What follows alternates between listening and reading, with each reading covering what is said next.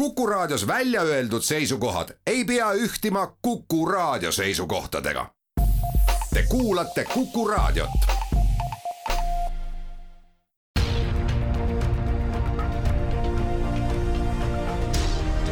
uue samba taga.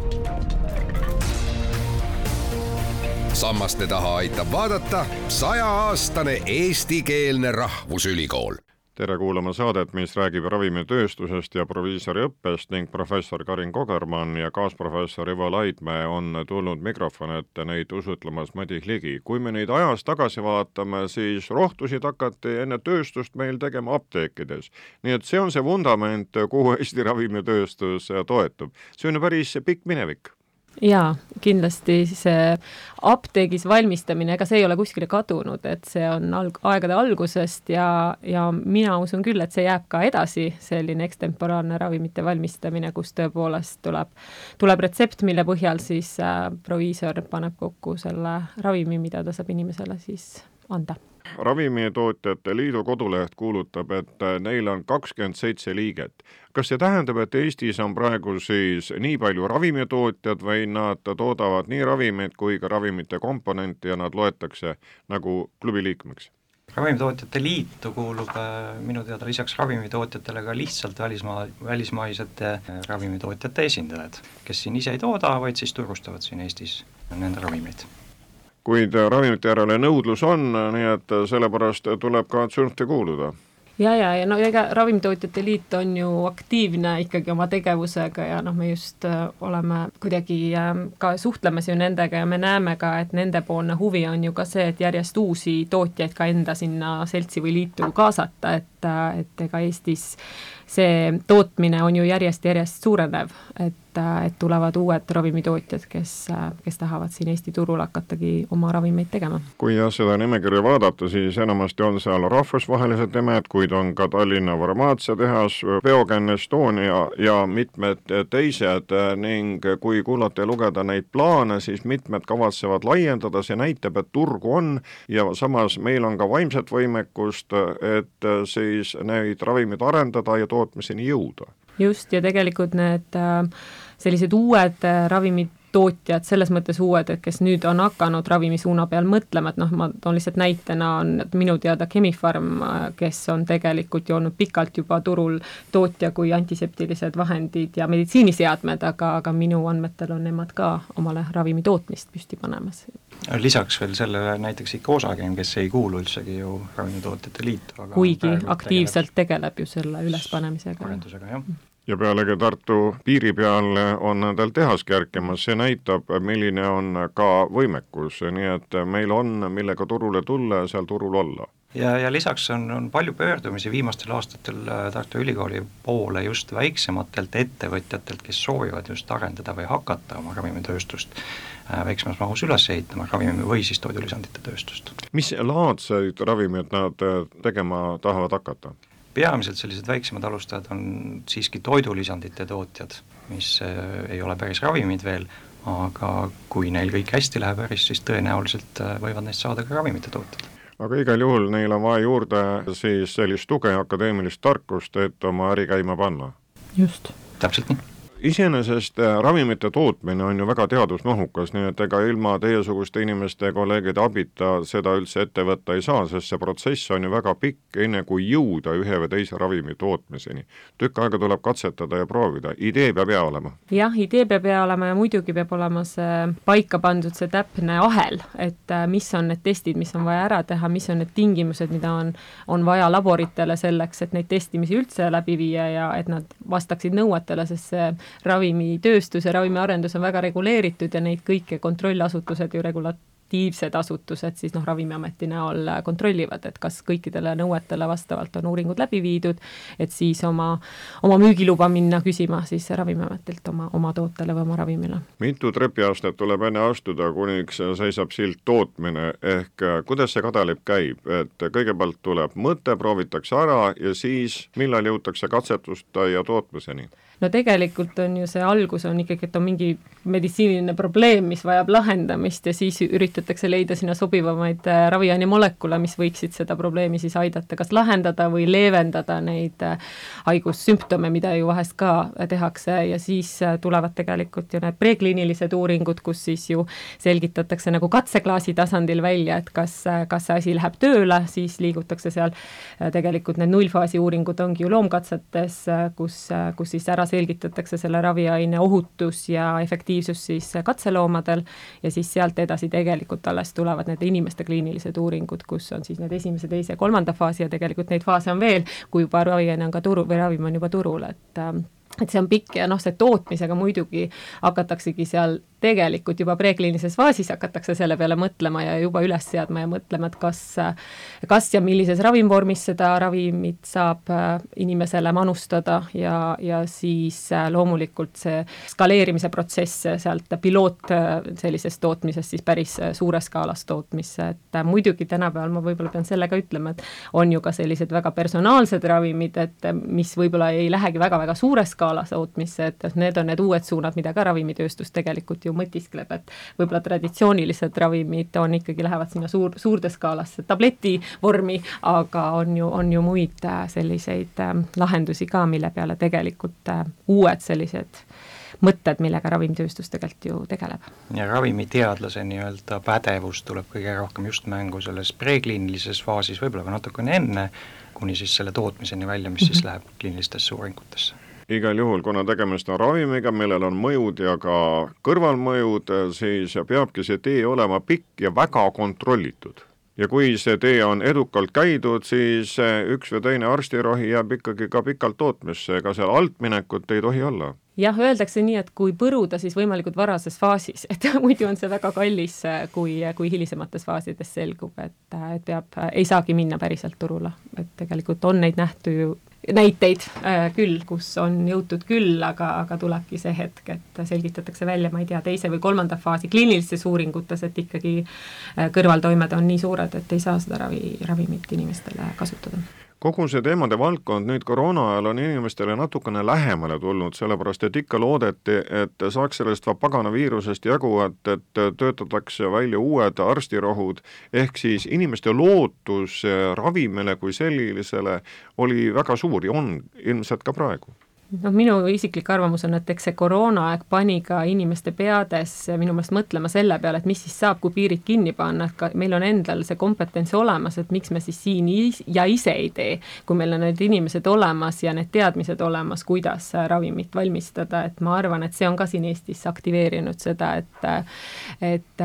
et panna need asjad nagu selles suunas tööle, et et, et need inimesed kaasatagi ja, ja, ja pannagi paika või üles või suurendada siis seda ravimitööstust siin Eestis. kriisiolukorras võiks ju olla võimekus elementaarseid asju ise teha, toota. olgu need desovahendid või siis ka mingid tabletid või rohud. just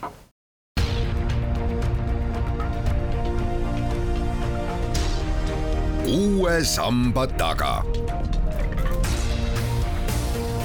sammaste taha aitab vaadata sajaaastane eestikeelne rahvusülikool tõdesite, et teie vahet on tihedamini hakatud käima ning ravimitööstus Eestimaale hakkab tulema, see tähendab, et järelikult on vaja ka kaadrit ning need, kes on juba õppinud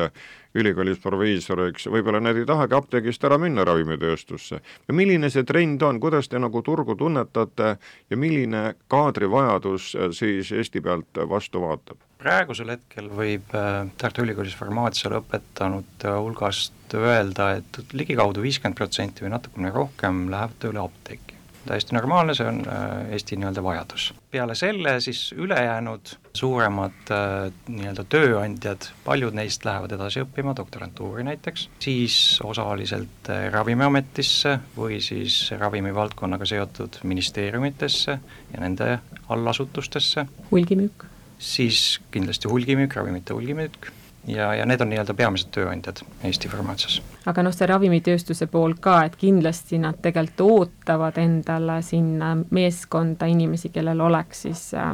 oskused äh, kas siis tõesti juba seal ravimvormi ise kokku panna või, või siis tegelikult ka nende dokumentatsiooniga tegeleda, kus on siis need kvaliteedinõuded, et mis on need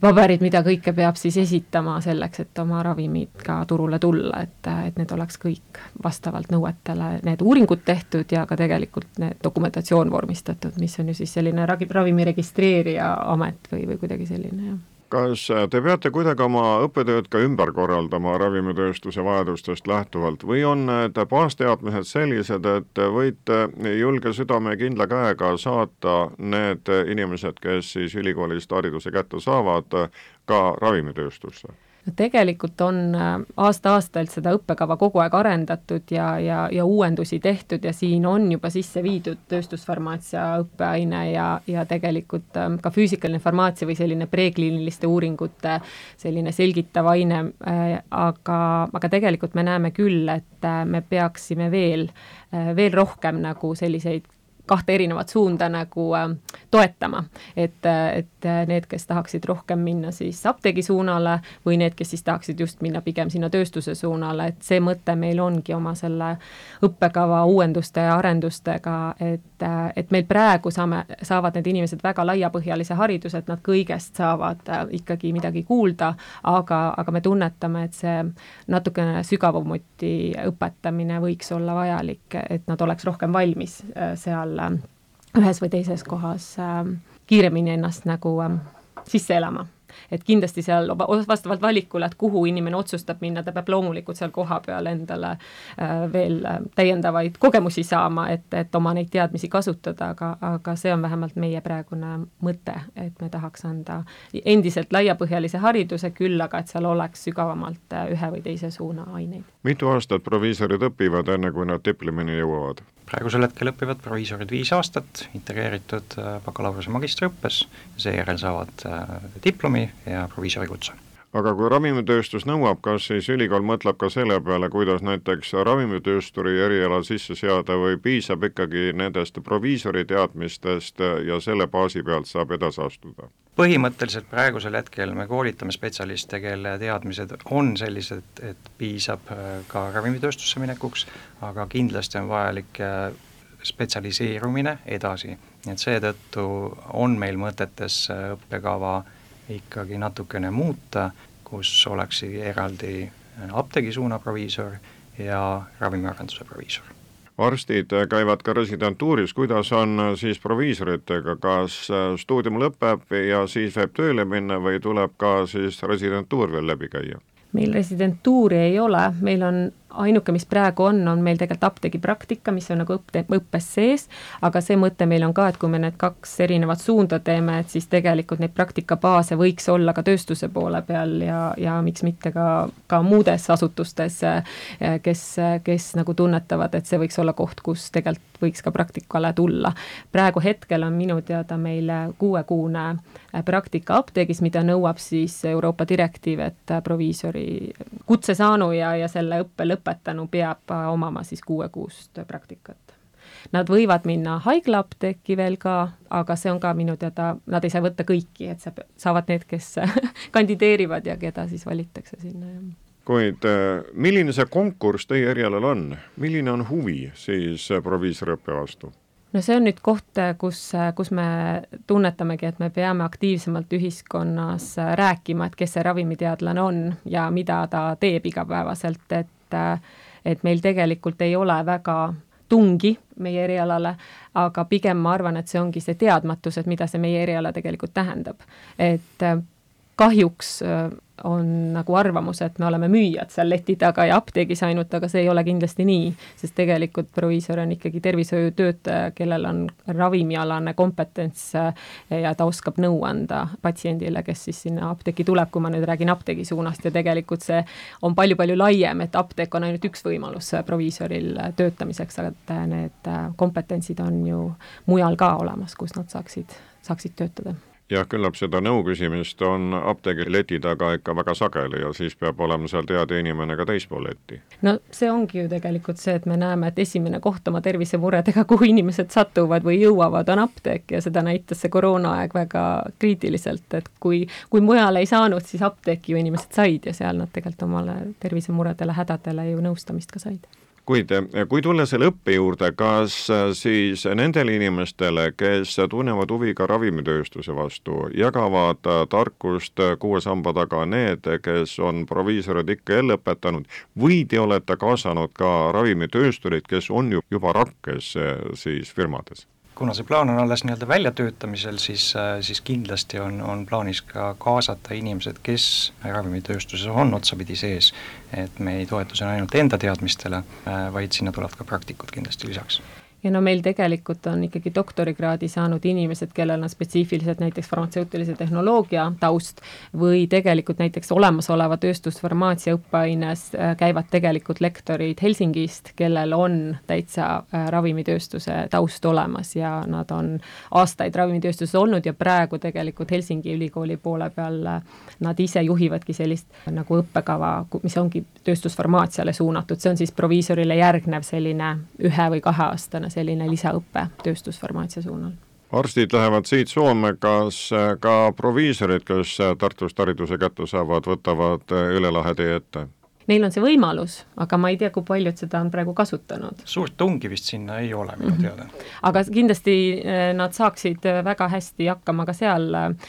Äh, apteekides ja, ja tegelikult ka ma arvan, tööstuse poole peal, et Orion ja noh, need suured firmad ju, kes seal Soomes on, et tegelikult nad ju ravimispetsialiste otsivad tööle ja, ja miks mitte, et ka meie inimesed võiksid sinna proovida kandideerida. no on ka ju Rootsis neid peibutusi suurte ravifirmade näol kuid igal juhul õppida tuleb, ega muidu siis sinna tööle nagu ei saa. kui palju teil aastas vastu võetakse praegu? kolmkümmend kuus on meil praegu see vastuvõtmisriiklik tellimus on ning kui haridus käes, siis proviisorid on oma ametis püsivad. kaadrivoolavust eriti ei ole aga tegelikult on ju niimoodi, et kui inimene otsustab, et ta läheb apteeki ja ta võib mõne aja pärast näiteks tunda, et tegelikult ma tahaksin minna hoopis Ravimiametisse, et selles mõttes sellist töökohavahetust toimub küll ajas, et, et ma arvan, et see on täiesti loomulik, et inimesed võivad ühte või teist suunda tahtagi proovida. aga, aga ma arvan, et on ka selliseid, kellel on ikka väga suund teada, et ma tahan kindlasti näiteks minna teadust tegema ja tahata, tahavadki jääda akadeemiasse, et on täiesti noh, ma olen üliõpilane, üliõpilastega vestelnud, kes ütlevad mulle, et aga ma tean täpselt, et mina tahan teadust teha ja see on see suund, mida ma praegu olen endale nagu valinud, et ma jätkan doktorantuuris ja no eks ma siis edasi mõtlen. mida siis maailmatrendid näitavad, püüame tulevikku ära aimata, et kui nüüd te algul siin viitasite, et mitmed on käinud teie vahet juba selleks, et ravimitööstust arendada, siis on vaja ju kaadrit, kas graafik nii-öelda tõuseb ja järjest rohkem on teil vaja inimesi välja õpetada, ehk kus on see piir, millised on need tuleviku võimalikud suunad? ega me täpselt ei tea, kus see piir on. praegusel hetkel me oleme püüdnud nendele arendussoovidele vastata nii palju oma võimalustega, kui me saame, aga oleme mitmetele pidanud juba ka ära ütlema, et äh, see annabki selge signaali, et, et on vaja kaadrit selles vallas juurde koolitada, et äh, inimesed saaksid, farmaatsia eriala lõpetajad saaksid minna juba nende juurde tööle praegu on väga paljud ikkagi need doktorikraadi saanud, noh lisaks doktorikraadi saanud äh, ravimiteadlased äh, jäänud akadeemiasse, aga, aga noh, jällegi me ju arvame, et see ikkagi, see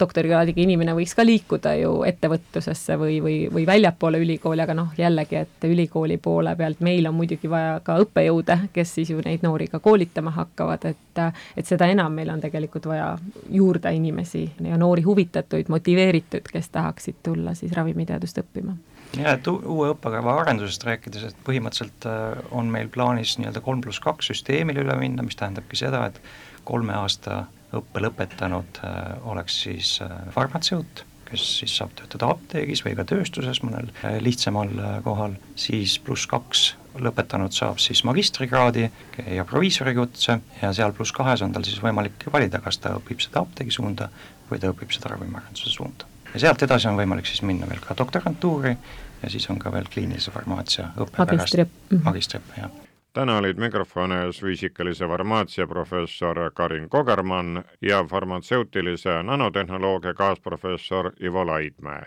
saatejuht oli Madis Ligi.